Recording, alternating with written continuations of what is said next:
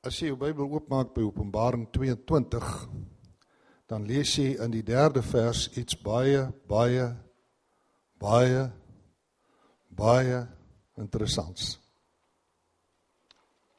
Openbaring 22 vers 1 sê en ek hy het my getoon 'n suiwer rivier van die water van die lewe, helder soos kristal wat uitstroom uit die troon van God en van die Lam.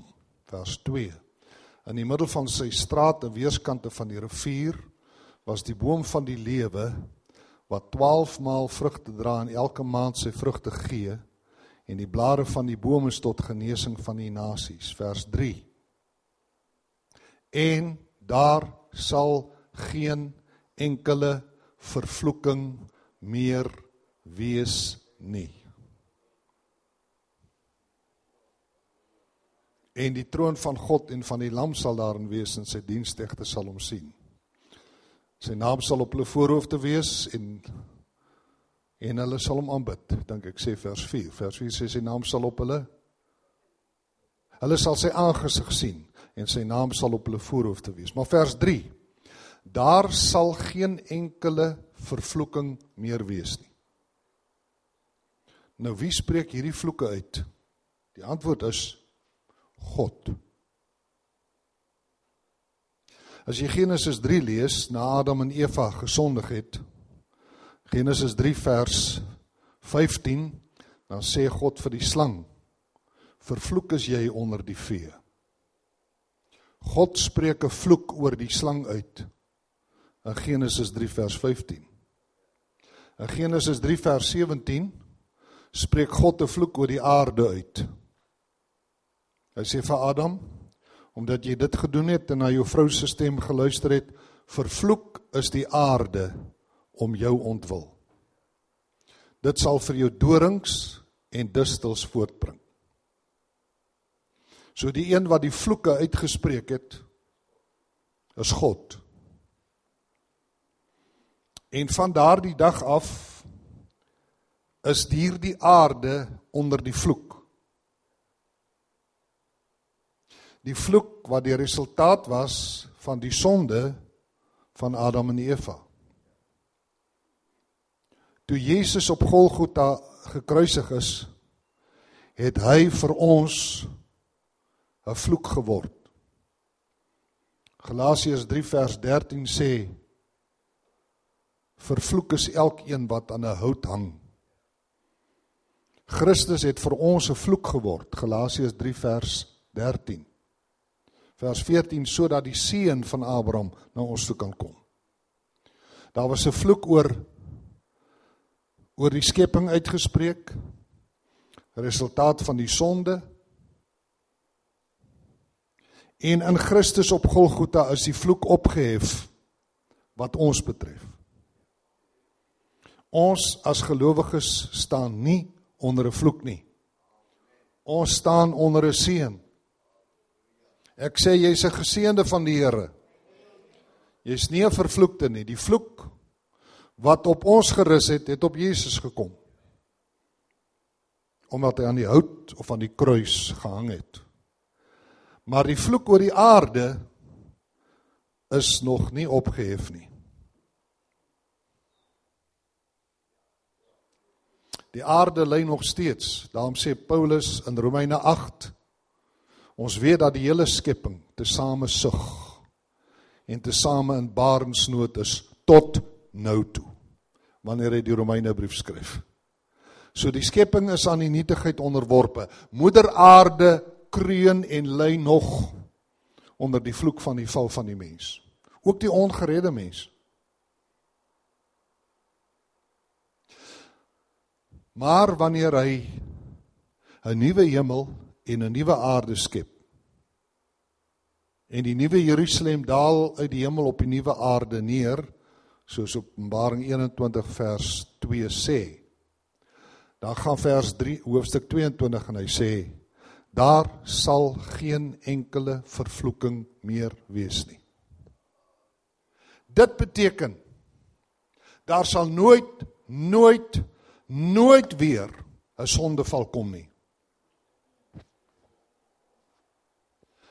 Ons het die verlede ewigheid voor die skepping van die hemel en die aarde, toe Jesus by die Vader was in die hemel. Dan skep God die hemel en die aarde en die planete. En dan stel hy die planete in die sonnestelsel en die ja, stel hy as ons groot horlosie. Sê Genesis 1 vers 14. Ons lees ons tyd uit die sonnestelsel af. Die aarde draai in 24 uur om sy eie as. Die maan draai in 30 dae om die aarde. Die aarde draai in 365 dae om die son. Ons lees ons tyd uit die sonnestelsel af. Dis hoe God dit gemaak het. En dit is wat nou hier gebeur het. En hier het die opstand van Lucifer of die opstand van Lucifer het plaasgevind en die val van Adam en Eva het hier plaasgevind. En God het hier in die tuin van Eden het hy die aarde vervloek. En het hy ook die slang vervloek. En nou gaan die tyd verby en nou is Jesus gekruisig. En nou kom daar 'n nuwe hemel en 'n nuwe aarde na die duisendjarige vrederyk. En dan sê die skrif daar sal geen enkele vervloeking meer wees nie. Dus daar gaan nooit in die hiernamaals ooit by enige een die gedagte opkom om teen God te rebelleer nie. Daar sal nie weer 'n Lucifer kan wees nie. Ons is vir ewig veilig by God. Ek wil hê julle moet hierdie ontsaglike waarheid moet julle vanaand neem, bære dit in julle harte. Daar sal geen enkele vervloeking meer wees nie. Want iemand kan sê Adam en Eva het teen God gesondig. Lucifer het in die hemel teen God in opstand gekom. Wat verhinder 'n engel in die hiernamaals om weer teen God in opstand te kom. Wat verhinder een van ons om ooit om dalk weer teen God te rebelleer? Die skrif sê daar sal geen vervloeking meer wees nie. Besef julle die rykwyte van hierdie verklaring? Ons is vir ewig veilig by God.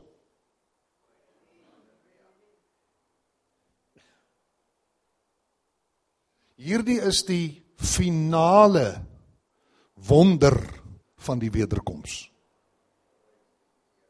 en van die plan van God.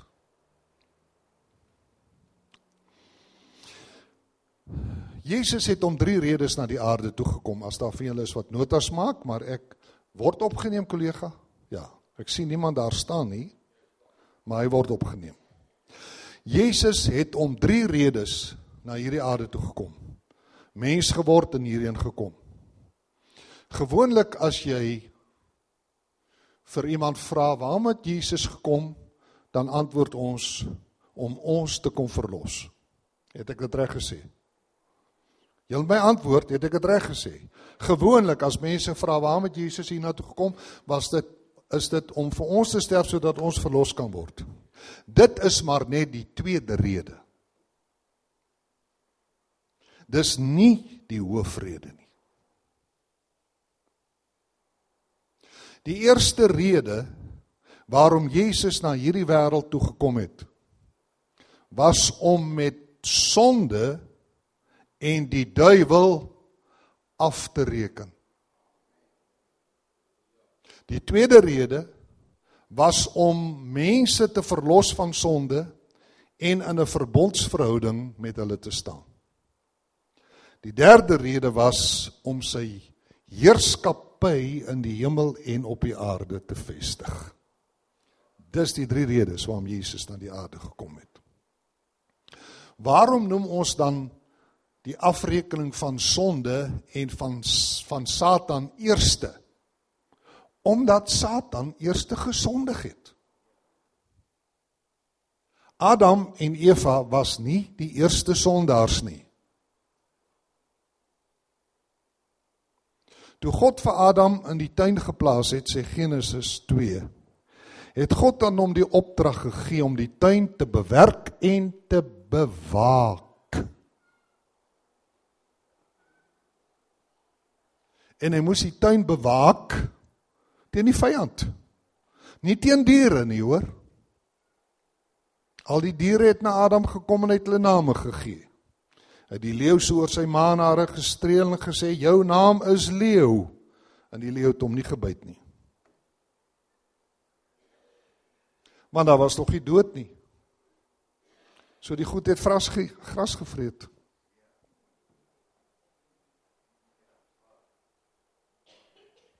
En hy het die olifant aan sy slip getrek en gesê jou naam is olifant. Die olifant het hom nie doodgetrap nie. Die Bybel sê God het al die diere na Adam gebring dat hy hulle name kon gee. Sê asbief ja. So die vyand waarteen hy die tuin moes beskerm was nie die diere nie. Was die Satan. Adam het dus 'n waarskuwing gehad en was bewus van Satan voordat Eva geskape was en voordat die versoeking gekom het.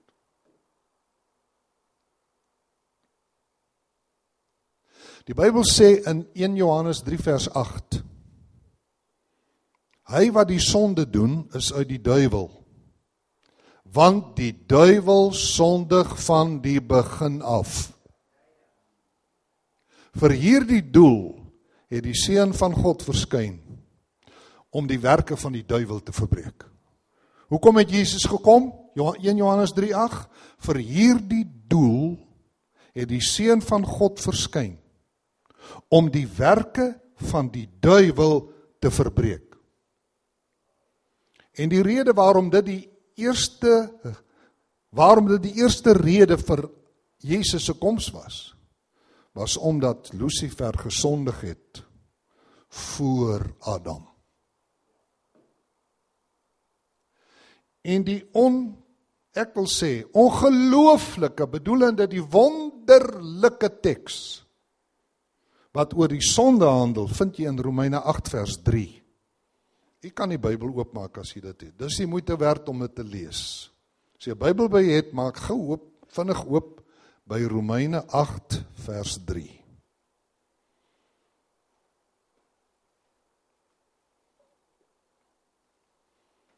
Vers 1 sê daar is dan nou geen veroordeling vir die wat in Christus Jesus is nie, vir die wat nie na die vlees wandel nie, maar na die gees. Want die wet van die gees van die lewe in Christus Jesus het ons vrygemaak van die wet van die sonde en van die dood. Vers 3. Want God het wat vir die wet onmoontlik was omdat dit kragteloos was deur die vlees deur sy eie seun in die gelykheid van die sondige vlees te stuur en dit ter wille van die sonde die sonde veroordeel in die vlees hoekom het Jesus hiernatoe gekom ter wille van die sonde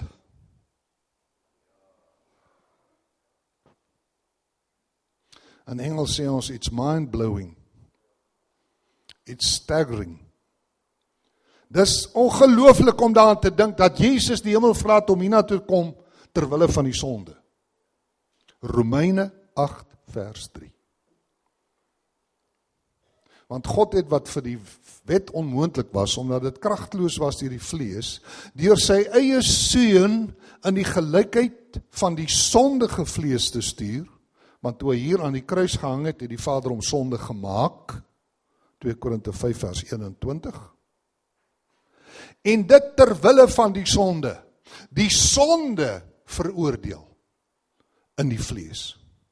Die sonde is veroordeel toe Jesus in die vlees gekom het en toe aan die kruis gehang het. So God het nie net met Satan afgereken op Golgotha nie. Soos Kolossense 2 sê, vers 14. Hy het die skuldbrief wat met sy insetting ons vyandig was uitgedelg en weggeruim deur dit aan die kruis vas te naal Kolossense 2:15 nadat hy die owerhede en magte uitgeklee en hulle in openbaar tentoongestel en daardeur oor hulle getriomfeer het. Satan is in die openbaar tentoongestel. Hy's uitgeklee. Hy's van sy gesag gestroop. Alhoewel hy nog nie gebind is nie, vriende. Hy's oorwin, maar hy's nie gebind nie. Ek sê die duiwel is nog los. Petrus sê in 1 Petrus 5:8 wees nugter en waaksaam want julle teestander die duiwel loop rond. Sê saam met my loop rond. Is hy dan vas of is hy los? Hou wat rondloop, is hy vas of is hy los? Hy's los. Loop rond soos 'n brullende leeu en soek wie hy kan verslind. En daarom is ons worstelstryd nie teen vlees en bloed nie, maar teen die owerhede, teen die magte, teen die wêreldheersers van die duisternis van hierdie eeu, teen die bose geeste in die lug. Hulle is nog los. Hy is oorwin op Golgotha, maar hy is nog nie toegesluit nie. Sonde is oorwin op Golgotha, maar sonde is nog nie verwyder nie. Die dood is oorwin by die opstanding van Jesus, maar die dood is nog aanwesig. Vandag nog word mense graf toegedra. Daarom is dit nie waar dat Christene as hulle sterk genoeg glo nie hoef te sterf nie. Daar was 'n broer hier naby wat ek goed geken het wat oorlede is wat gepreek het dat dit nie nodig is vir 'n gelowige wat sterk genoeg glo om te sterf nie. Ek praat van Kobus van Rensburg wat een van my studente was wat in my klas voor my gesit het. Maar daai lering het hy nie by my gekry nie. Die fout wat hy gemaak het is dat die ewige lewe, ek bedoel, die opstandingslewe, verstaan nie wanneer jy nou verheerlik is, nie die resultaat van geloof is nie maar die resultaat van die opstanding. Jy sal alleen onsterflik word wanneer jy die dood opgestaan het. As daar ander Bybelse kandidaate was wat deur hulle geloof nooit moes gesterf het nie, dan was dit Abraham. Dan was dit Moses. Dan was dit Dawid. Dan was dit Paulus. Almal dood. Moenie vir my sê dat jy nader aan God leef as wat die apostel Paulus aan God geleef het nie. Jy kan dit alleen sê as jy soos hy in 1 Korinte 4 vers 4 sê, ek is my van geen ding bewus nie. Ek weet nie meer van enige sonde in my lewe nie. Ek dink nie meer verkeerde goed nie. Ek sê nie meer verkeerde goed nie nooit nie. Dis waar Paulus gestaan het. En hy het gesterf. Ons moenie met ons teologie na die Bybel toe gaan nie. Ons moet die Bybel toelaat om self te praat en dat die waarhede uit die skrif uitkom. Die Bybel is nie in diens van die teologie nie. Die teologie is in diens van die skrif. Die Bybel was eerste en toe kom die teologie. En dis ook om kom daar soveel dwaalings is. Omdat mense Soos die spreekwoord sê, elke ketter het sy letter. Jy dink 'n sekere ding uit en dan gaan soek jy iewers of daar nie 'n versie in die Bybel is wat na, naaste by so iets vir jou sê nie. En dan kry jy so waar een, maar jy ruk hom uit sy verband uit, uit sy konteks uit. En dan dwaal jy. Die eerste rede waarom Jesus na die wêreld gekom het, was om met sonde en met Satan af te reken. En dit staan in Romeine 8 vers 3 en 1 Johannes 5 vers 8. Hierdie tekste gehoor. Die tweede rede waarom hy gekom het was om ons te kom red. 1 Johannes 3 vers 5. Julle weet dat die seun van God verskyn het om ons sondes weg te neem. Hy het verskyn met watter doel het hy verskyn om ons sondes weg te neem? En geen sonde is in hom nie. En die derde rede waarom Jesus na hierdie aarde toe gekom het, is om die heerskappy wat God aan Adam gegee het wat Satan by hom gesteel het te kom herstel in die hemel en op die aarde. Dit wil sê geestelik en polities. So sê die Bybel in Efesiërs 1 vers 10. God het die volheid van die tye gereël met die doel om alle dinge wat in die hemele sowel as wat op die aarde is onder een hoof in Christus te verenig.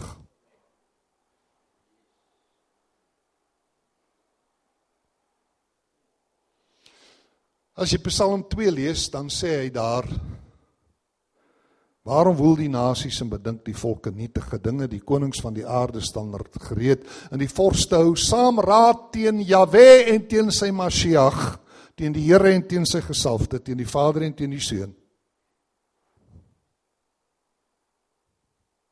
En sê laat ons hulle bande stikkend ruk en hulle toue van ons afwerp. Hy wat in die hemel woon lag. Die Here spot met hulle. Dan sal hy sê ek tog het my seun gesalf oor Sion my heilige berg die salwing van Jesus as koning van die konings wat gaan gebeur op Sion die heilige berg kom ek voeg by by die bruilofsmaal van die lam. Sal 'n daad van die Vader wees. Die Vader gaan Jesus salf as koning Daarom wanneer hy terugkom op die wit perd, sê Openbaring 19 vers 16 en hy dra op sy kleed en op sy heup die naam wat geskrywe is, die koning van die konings en die Here van die Here. So wanneer Jesus terugkom, kom hy as die koning terug. Hy was nie koning toe hy hier was by sy eerste koms nie, hy was 'n slaaf. Dit staan in Filippense 2 vanaf vers 5 hierdie gesindheid moet in julle wees wat ook in Christus Jesus was. Hy wat nie gestalte van God was, dis voor die skepping, het dit geen roof geag om aan God gelyk te wees nie, maar het homself ontledig deur die gestalte van 'n dienskneg aan te neem en aan die mense gelyk geword. Toe Jesus hier op aarde was, was hy nie koning nie. Hy was slaaf. En daarom het hy nie 'n paleis gehad en soldate gehad. En daarom was hy nêrens in Jerusalem tydens sy eerste koms gekroon as koning nie.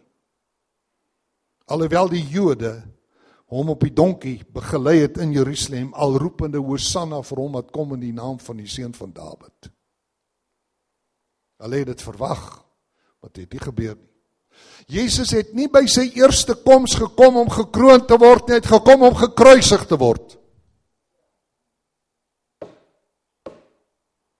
Hy het nie gekom om gekroon te word nie, hy het gekom om gekruisig te word.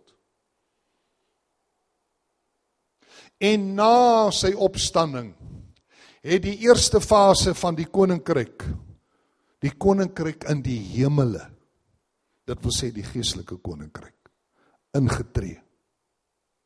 Ons is nou lede van die koninkryk van God. Die geestelike koninkryk. Die koninkryk nou is 'n geestelike koninkryk. Dit sê Jesus in Lukas 17, daarvan vers 20 af. Toe die Fariseërs vir hom gevra het wanneer die koninkryk sal kom, toe sê hy, die koninkryk kom nie met sigbare tekens nie. Hulle sal nie sê kyk hier of kyk daar. Kyk daar sy soldaat en kyk daar sy paleis en daar sy troon. Sal nie dit sê nie. Want die koninkryk van God is binne in julle. Lukas 17 vanaf vers 20. So ons is in die koninkryk van God. Maar dis 'n geestelike koninkryk waar Jesus aan die regterhand van die Vader sit en oor sy kerk regeer. Dit weet ons mos nou. Waar is jou man?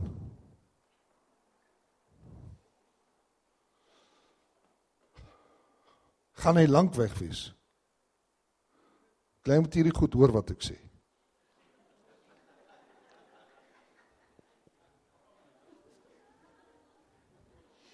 Hy het die deur toe gemaak.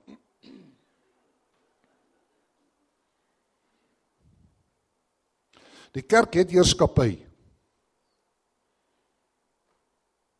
Ons is konings en priesters omdat ons aan 'n koninkryk behoort. Maar Jesus regeer nog nie oor die lande van die wêreld nie. Hy stel wel konings aan en so voorts want Romeine 13 sê dit die gesagsbeginsel kom van God af. Maar Jesus regeer nie op hierdie oomblik oor Mosambiek nie. Jesus regeer nie op hierdie oomblik oor Sirië nie. Jesus regeer nie oor Irak nie of Iran nie. Jesus regeer nie oor kommunistiese China nie. Wanneer gaan hy dan oor hierdie lande regeer? Terwyl die duiwel vir hom op die berg gesê het as jy neerval my aanbid gee ek al hierdie koninkryke van die wêreld nou vir jou. Het die duiwel dan nie geweet of het hy dan geweet dat Jesus koning van die aarde gaan word? Hy het dit geweet want dit staan geskryf in Psalm 2 en die duiwel kan lees. Ek sê die duiwel kan lees. Hy quoteer dan Psalm 91 wanneer hy Jesus versoek. Wanneer hy hom op die tempel se dak het sê hy spring af want daar staan geskrywe. Hy sal sy engele aangaan en jou bevel gee om jou te bewaar op al jou week. Dink is Psalm 91 daarby vers 16. Hoe die duiwel geweet dit staan daar. Het dit gelees. Het geweet die duiwel kan lees.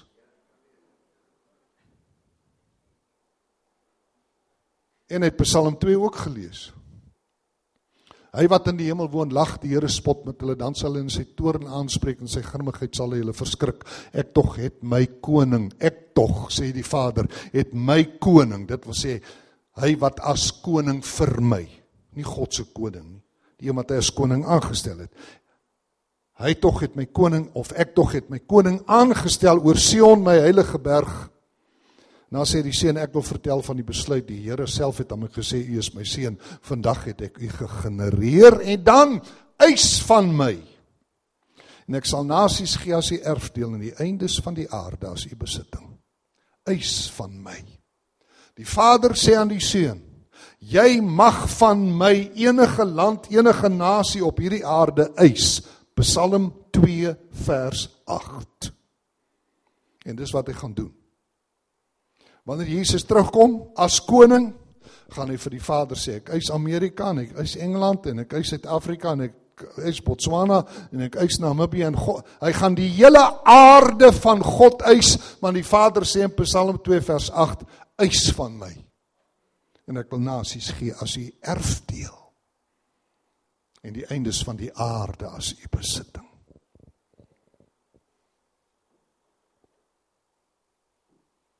Dan gaan hy op die aarde regeer.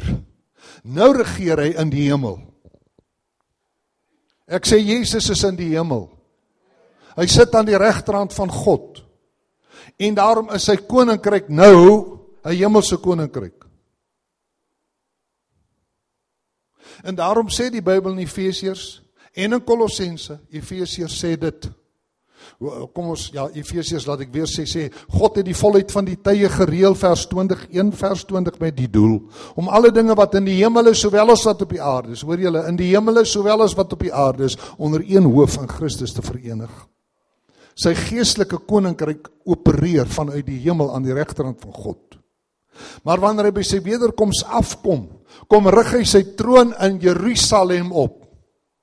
Lees dit byvoorbeeld in Sagaria 14 en gaan hy in Jerusalem regeer as die koning van die aarde. En Satan gaan gebind wees vir 1000 jaar. Sal dit nie heerlik wees nie? God het 'n magtige plan. God het 'n magtige plan. Kom ek gaan terug na die uitspraak uit Openbaring 22 vers 3. Daar sal geen enkele vervloeking meer wees nie.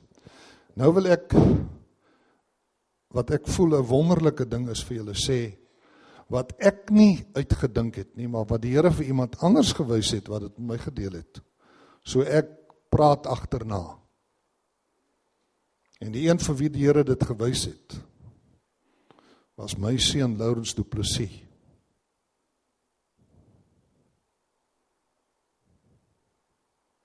toe hy 22 jaar oud was.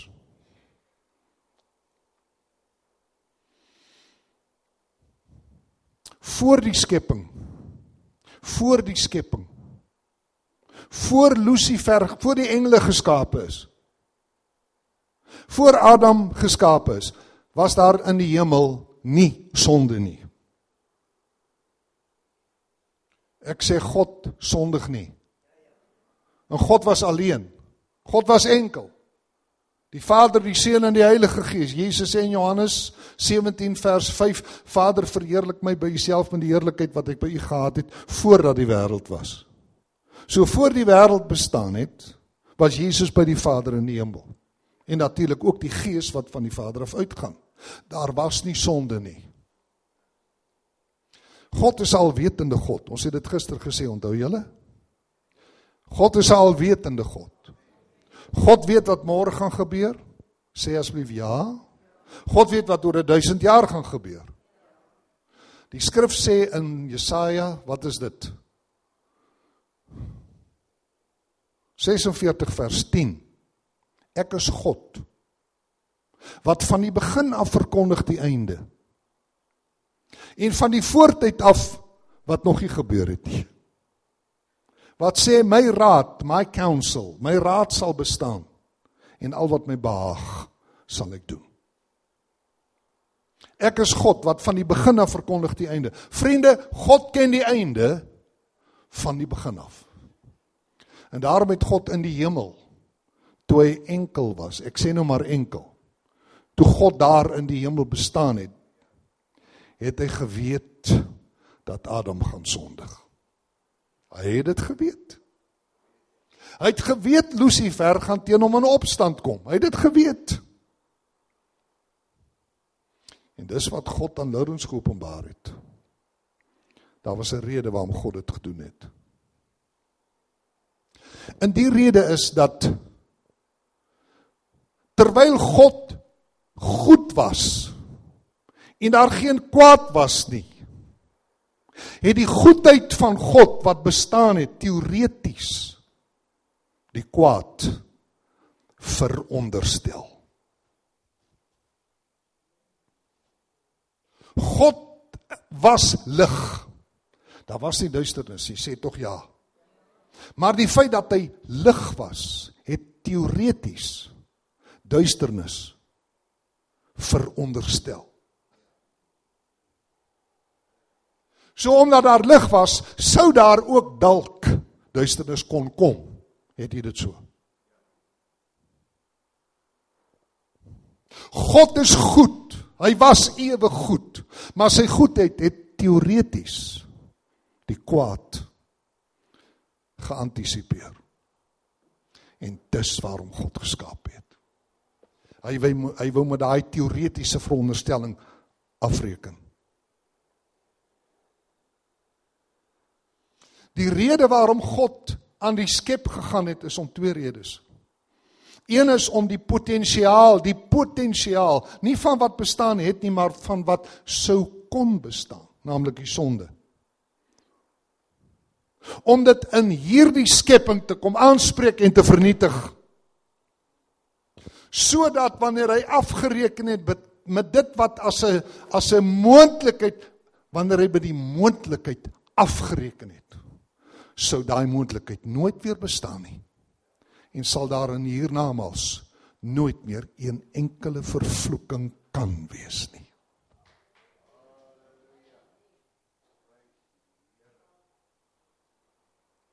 So die skepping was vir God se voordeel. En die skepping was ook vir ons voordeel.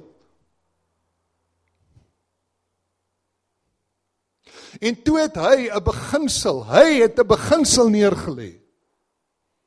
In die woord beginsel in Engels principle verwys na iets wat van die begin af bestaan het. Ek sê 'n beginsel bestaan van die begin af. 'n Beginsel bestaan van die begin af. Sê tog ja. So hy het 'n beginsel gedefinieer. En daardie beginsel staan in Hebreërs 9 vers 22. Dit kom ook uit die Ou Testament. En byna alles word met bloed gereinig volgens die wet. En sonder bloedvergieting vind daar geen vergifnis plaas nie. So wat het God nodig gehad om potensieel om met die potensiële af te reken? Wat het God nodig gehad? Bloed. Nou waarom het God nie self kom sterwe sodat hy daardie moontlikhede kon vernietig nie? Omdat God Gees is. Hy het 'n mens nodig gehad. Waarom het God vir Adam geskaap? God het vir Adam geskape primêr om hom te help in die stryd teen die sonde. Daar sekondêre redes wat in Genesis 1 gegee word. God het hom na sy beeld geskape. Adam is 'n beelddraer van God. 'n Verhouding met God. Dis hoekom God ons gemaak het. Dis die sekondêre redes. Tweede rede dat hy in Eva kinders sou hê, word vrugbaar vermenigvuldig en vul die aarde. Die derde rede was dat Adam as heers, heerser sou optree. Onderwerp die aarde en heers daaroor. Dis die sekondêre redes. Die primêre rede was dat God in Adam 'n bondgenoot sou vind waarin hy homself in die vlees kon kom uitdruk. Adam was daar sodat hy die eerste Adam kon word. En dat die laaste Adam, Jesus Christus, sy plek kon kom neem.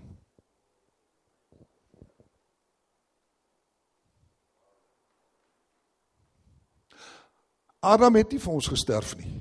Die eerste Adam. Hy het gesondig saam met Eva, eintlik Eva en toe Adam. Voor sy val was daar nie mense vir wie hy kon sterf nie.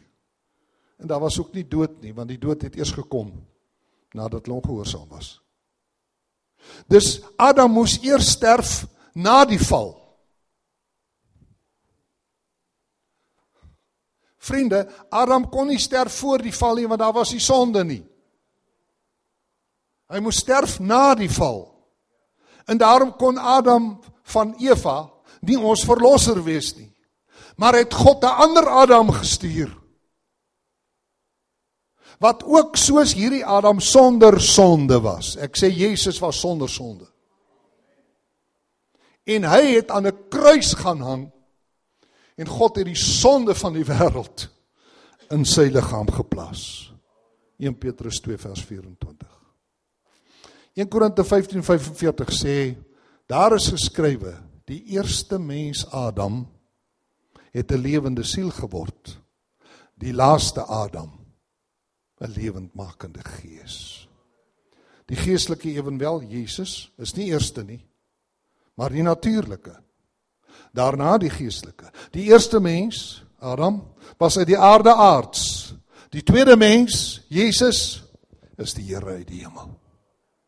Soos ons die beeld van die aardse gedra het, so sal ons ook die beeld van die hemelse dra. Maar dit verklaar ek broeders dat vlees en bloed die koninkryk van God bedoel en nie die hemelse koninkryk daarbo nie kan beerwe nie. Ook beerwe die verganklike, nie die onverganklikheid nie. Kyk ek deel julle verborgenheid met ons sal wel nie almal ontslaap nie maar ons sal almal verander word in 'n oomblik in 'n oogwink by die laaste bassein want die bassein sal weer klink en die dode sal onverganklik opgewek word en ons sal verander word want hierdie verganklike moet met onverganklikheid bekleed word en hierdie sterflike moet met onsterflikheid bekleed word. En wanneer hierdie verganklik met onverganklikheid bekleed is en hierdie sterflike met onsterflikheid bekleed is dan sal die woord vervul word wat geskrywe is. Die dood is verslind in die oorwinning. Dood waar is jou angel?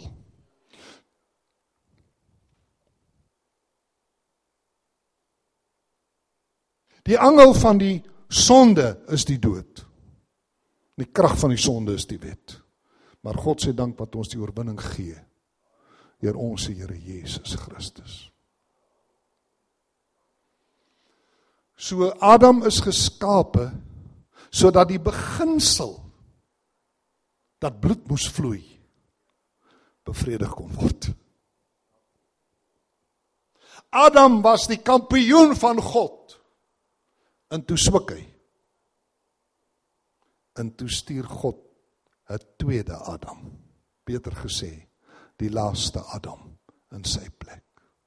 En toe slaan hy die uitklophou. Mense, mense. Jesus is die sterk verlosser. Loof sy heilige naam.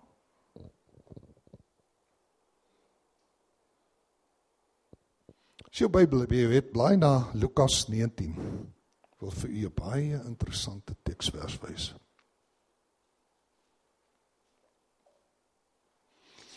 Dis nou na Saggeus, die Saggeus episode. Dan sê die Bybel daar in vers 11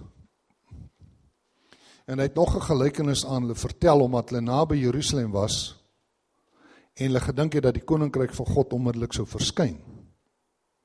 Is dit min of min of meer wat in vers 11 staan? Lees vers 11. Hy het nog 'n gelykenis daarby vertel omdat hulle naby Jerusalem was en hulle gedink het dat die koninkryk onmiddellik sou verskyn. Is dit min of meer wat in vers 11 staan? Hoekom het hulle dan gedink dat die koninkryk onmiddellik sou verskyn omdat hulle naby Jerusalem was? Omdat Jerusalem die stad van die groot koning is. Psalm 45 tot 47. Dis die stad waarin die koning, die Messias koning gaan regeer. Nou is hulle naby Jerusalem. Nou verwag hulle die koninkryk gaan nou kom.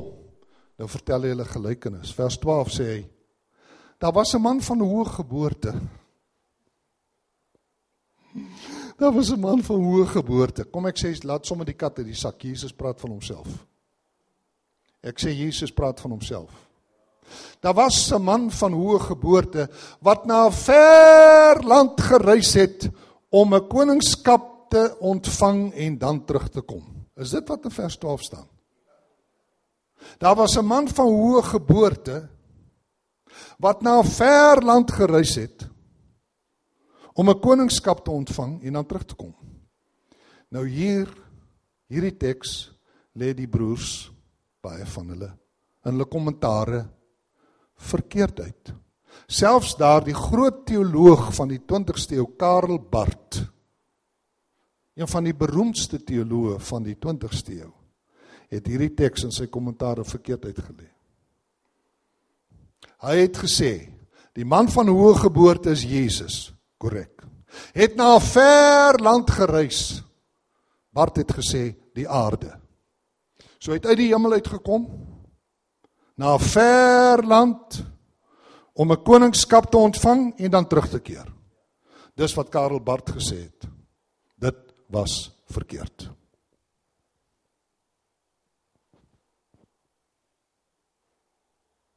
Die verland is nie die aarde nie. Die verland is die hemel. 'n Man van hoë geboorte het na 'n verland gereis. Die hemel na sy opstanding om 'n koningskap te ontvang en dan terug te kom. Hoe weet ek ek is reg en nie Karel Bart nie? Lees die volgende versie. En hy het 10 van sy diensknegte geroep en vir elkeen van hulle pond gegee, 10 ponde uitgedeel. Staan dit min of meer daar? En hy het gesê: "Dryf handel daarmee totdat ek kom." Vraag: het Jesus toe hy die hemel verlaat het om na hierdie ver land te kom soos Bart sê en ander het hy toe aan sy engele daarbo elkeen 'n pond gegee om die handel te dryf totdat hy terugkom? Of het Jesus hier aan ons die gawes van die Heilige Gees gegee om mee te woeker totdat hy terugkom en dan rekenskap van ons te vra lees die volgende versie En sy diensknegte, sy onderdane, het 'n gesantskap agter hom aangestuur en gesê ons wil nie hê hierdie man moet koning oor ons wees nie.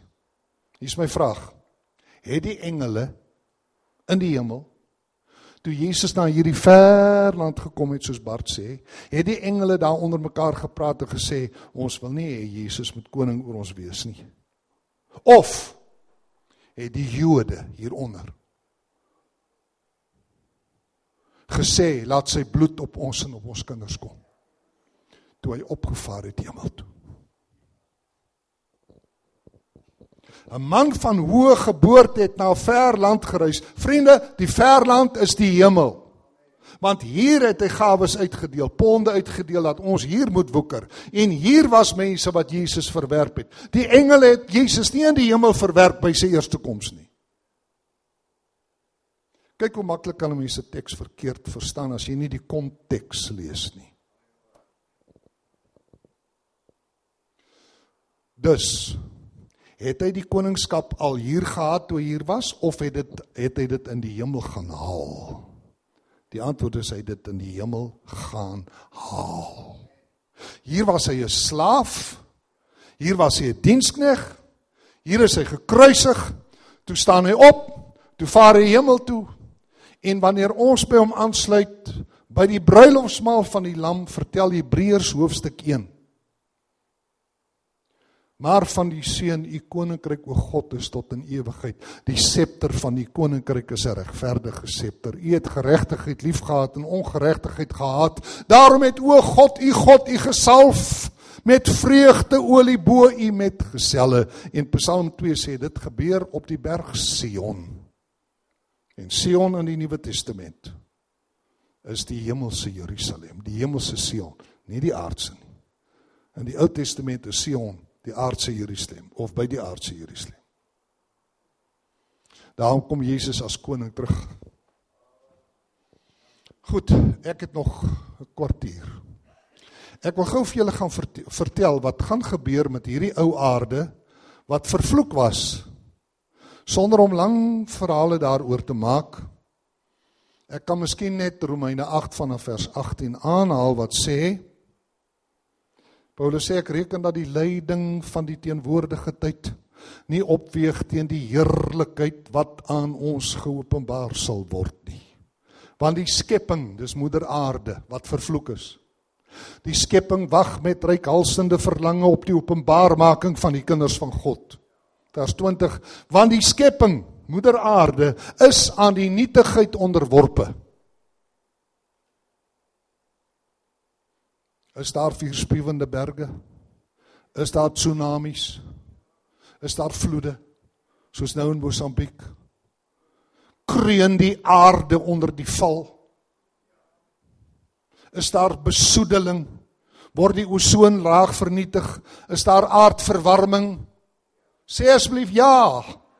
Die aarde is nie vry nie, hy's in slawerny, mense. Want die skepping wag met reikhalsende verlange op die openbaarmaking van die kinders van God. Die skepping wag vir ons opstanding. Want die skepping vers 20 dink ek is aan die nietigheid onderworpe. En dan staan daar in jou Bybel iets. Kyk asseblief. Jy moet dit lees. Daar staan iets wat jy nie sal glo nie. Of wat jy nie kan dink dat daar sal, sal staan nie. Is u in die Bybel se Romeine 8? Is u daar? Sê asseblief. Kyk, is dit vers 20 want die skepping is aan die nietigheid onderworpe. Is dit vers 20? Daar staan geskrywe, want die skepping is aan die nietigheid onderworpe nie gewillig nie. Staan dit in jou Bybel? Sê, staan dit in jou Bybel? Nie gewillig nie. As jy nie gewillig is nie, sê jy ja of sê jy nee? Nee. Dus toe God met die aarde praat, In Genesis 3 vers 17. Toe God vir Adam sê: "Vervloek is die aarde om jou ontwil," toe sê moeder aarde vir God: "Nee, dankie." Nie vir my nie, hoor. Ek is nie gewillig nie. Sê ek wat gesondig het nie as Adam. Moenie my straf nie.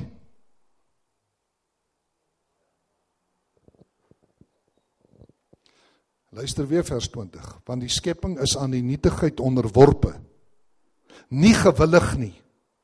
Maar ter wille van hom wat dit onderwerp het. In die hoop. Kyk vers 21. Wat sê 21? In die hoop dat ook die skepping self vrygemaak sal word van die slawerny van die verganklikheid tot die vryheid van die heerlikheid van die kinders van God. Toe sê God vir die aarde: Ek weet jy's nie skuldig nie. Maar ek moet jou nou vervloek.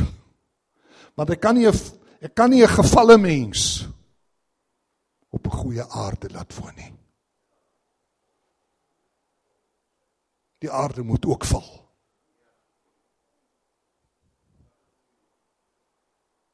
Maar ek gee vir jou 'n belofte. Eenmaal wanneer hierdie gevalle mens uit die dood opstaan en herstel word soos hy nou hier was, dan sal ek jou ook nuut maak. Dan gaan ek jou ook herstel tot jou glorie wat jy hier in die paradys gehad het. Staan duidelik geskryf in Handelinge 3 vers 19 tot 21. Bekeer julle en laat elkeen kom dan tot inkeer en bekeer julle sodat julle sondes uitgewis kan word en tye van verkoeking van die aangesig van die Here mag kom. Hy hom mag stuur Jesus wat vroeër vooraf aan julle verkondig is, hom wat die hemel moet ontvang tot op die tye van die wederoprigting van alle dinge. Until the times of the restoration of all things. Wederoprig beteken jy maak 'n ding nuut wat eenmaal nuut was. I say restoration means you restore something that was once good. En toe word hy sleg, toe maak jy hom nou weer nuut. So wanneer Jesus terugkom, gaan God hierdie aarde nuut maak. Hy gaan hom 'n gesigsvernuwing gee, hierdie aarde soos hy in die paradys was. Dis nie die nuwe aarde en die nuwe hemel wat aan die einde kom nie. Dis hierdie planeet aan wie God 'n belofte gegee het. Kom ek noem gou vir julle 'n paar voorbeelde. 1. Kom ons begin sommer by by die fauna, by die dierelewe. As jy Jesaja 11 lees, in die 53 vertaling staan daar iets van die Messias, messiaanse regering, iets van ja, Jesaja 11. Dan staan daar vers 6: Dan wy die wolf by die lam en die luiperd gaan lê by die bokkie En die kalf en die jong leeu en die vetgemaakte vee bymekaar en 'n klein seentjie sal hulle aanjaag. Dan wy die wolf, dan wy die koe, die koei en die beerin wy en hulle kleintjies lê bymekaar en die leeu eet strooi soos die os. En die suigeling speel by die gat van 'n adder en die gespeende kind steek sy hand uit na die kuil van 'n basilisk. Dis 'n slang. Hulle hierdie hierdie gevaarlike goed sal geen kwaad doen of enige verderf aanrig op my hele heilige berg nie, want die aarde sal vol wees van die heerlikheid van die Here soos die waters die seebodem oordek. Wanneer Jesus terugkom, gaan hy die diereryk totaal verander. Leeu's gaan gras vreet. Hier op die aarde gaan dit wees wanneer hy die aarde herstel soos dit was in die paradys waar die leeu's gras gevreet het. Geen giftige slange nie. 'n Klein seentjie sal die leeu's aanjag en die wilde in die diere aanjag en hulle sal saam lê. Is dit nie koslik nie? Ek ek vra as dit nie wonderlik nie. Wat van die faun, wat van die flora, wat van die planteryk? Wat hoe gaan die planteryk wees wanneer Jesus terugkom? Dit staan in Jesaja 55 vers wat is dit? 11 en 12 dink ek. Julle sal met vreugde uittrek en met vrede gelei word. Die heuwels en berge sal voor julle in gejubel uitbreek en al die bome van die veld in die hande klap. Vir 'n doringboom sal 'n sipres opgaan. En vir 'n distel sal 'n mirteboom opgaan. En dit sal vir die Here wees 'n naam tot 'n naam tot 'n ewige teken wat nie uitgeroei sal word nie.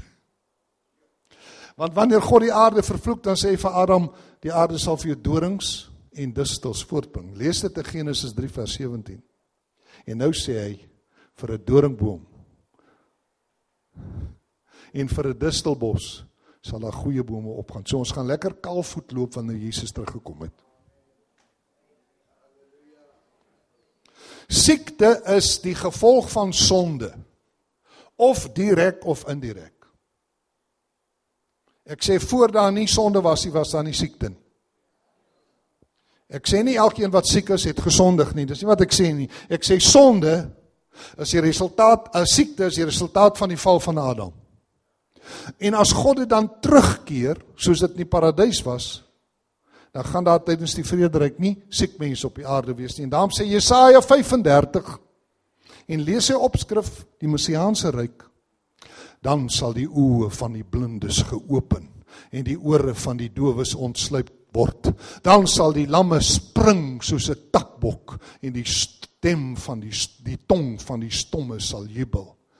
Want in die woestyn breek waters uit en strome in die wildernis.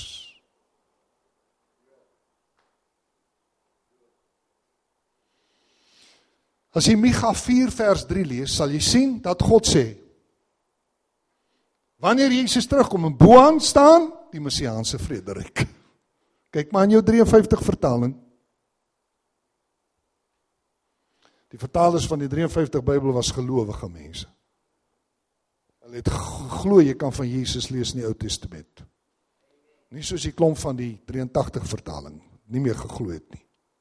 En daarom het die vertalers van die nuwe van die 53 vertaling voortdurend bo aan sulke hoofstukke geskryf, sulke hoofstukke geskryf, die regering van die Messias, die messiaanse heilstaat, die voorspoedige regering van die Messias. So ook in Micha 4.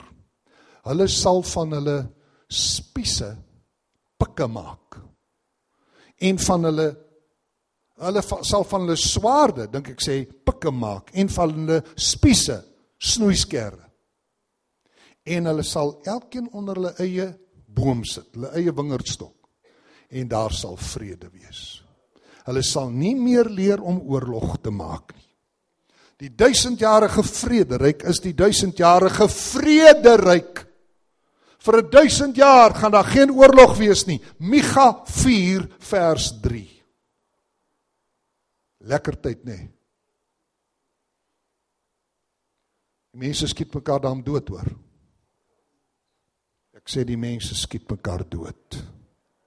Sal daar nog dood wees tydens die vrederyk? Ja, natuurlik, want die laaste vyand, 1 Korinte 15 vers, wat is dit? 26. Wat vernietig word is die dood. Maar mense sal voluit lewe. Jesaja 65 sê 'n kind sal 100 jaar oud word en dan sal hy sterf. Nou kom ek noem 'n laaste ding wat gaan gebeur tydens die vrederyk die dooie see gaan vars word. Is daar van julle wat al in Israel was? Kan ek die hande sien? Is daar enkeles van julle wat in Israel? Was julle by die dooie see? Was julle by Engedi waar julle daar in die dooie see gedryf het? Daar gaan hulle visvang wanneer Jesus gekom het. Daar's nie nou lewe in die dooie see nie. Behalwe waar die Jordaan in die dooie see inkom, is daar mikrokosmiese klein lewetjies Maar die dooie see is 30% sout. Hoekom is hy dan so sout? Hoekom is hy die dooie see? Omdat hy nie 'n uitgang het nie. Die water dam op en dan verdamp dit, dan bly die sout agter. Hy lê by 1000 voet onder seespieël.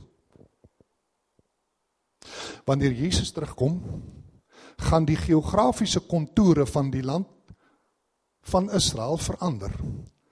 Die heuwels gaan gelyk word. Die dooie see en die Jordaanvallei gaan oplig. en die dooie see gaan 'n uitloop hê na die Rooi See, daar waar Eilat is. Die dooie see gaan 'n uitloop hê soontoe. Sodat sy waters vars gaan word. As iemand vir my nou sê, soos sommige van ons AGS kollegas, Jesus het al gekom. Nou die dag met 'n pastoor gepraat. Al wat jy vir hom vra is, is die dooie see al vars? vang hulle al visse in die dooie see. En wat meer is, die dooie see gaan gevoed word nie alleen deur die waters van die Jordaan nie, maar deur 'n tweede stroom wat onder die tempel gaan uitvoer, vloei, die tempel waarin Jesus gaan regeer in Jerusalem en na die ooste toe by die Jordaan aansluit in die twee strome gaan die dooie see voed en sy waters gaan vars word En Esegiel 47 beskryf dit daarvan vers 9 af. En dan sê hy en vissers sal staan van Engedi tot by En Eglaim. En daar sal 'n menigte van visse wees soos daar in die groot see, dit wil sê die Mediterrane See, die Middellandse See is. God gaan hierdie aarde nuut maak. Hierdie ou aarde. Want hy het 'n belofte aan hom gegee toe die aarde gesê het ek is nie gewillig nie. Sê ek wat gesondig het nie is Adam. Het God gesê laat dit nou toe. Ons kan nie so 'n lelike ou gesond daar op jou laat bly nie. Jy moet ook soos hy lyk. Maar ek gee aan jou die belofte. Daarom sê Romeine in die hoop, in die hoop dat ook die skepping self vrygemaak sal word van die slawerny van die verganklikheid.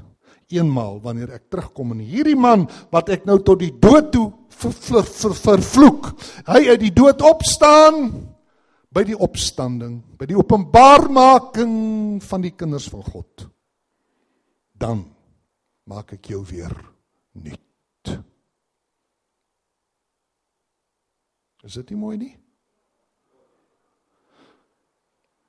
Mag die Here u ryklik seën.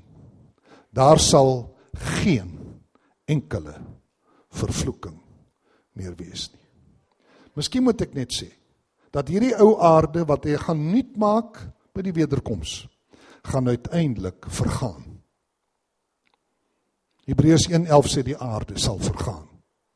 2 Petrus 3 sê hierdie aarde wat hy dan gaan nuut maak, 'n gesigsvernuwing gaan gee. Hierdie aarde gaan verbrand met vuur. Jesaja 24 vers 19 sê hierdie aarde gaan aan die einde in stukke breek. Psalm 102 vers 27 sê hierdie aarde gaan verdwyn. So die belofte aan die aarde is 'n tydelike belofte vir die duur van die aardse koninkryk van Jesus wanneer hy vir 1000 jaar hier regeer. Amen.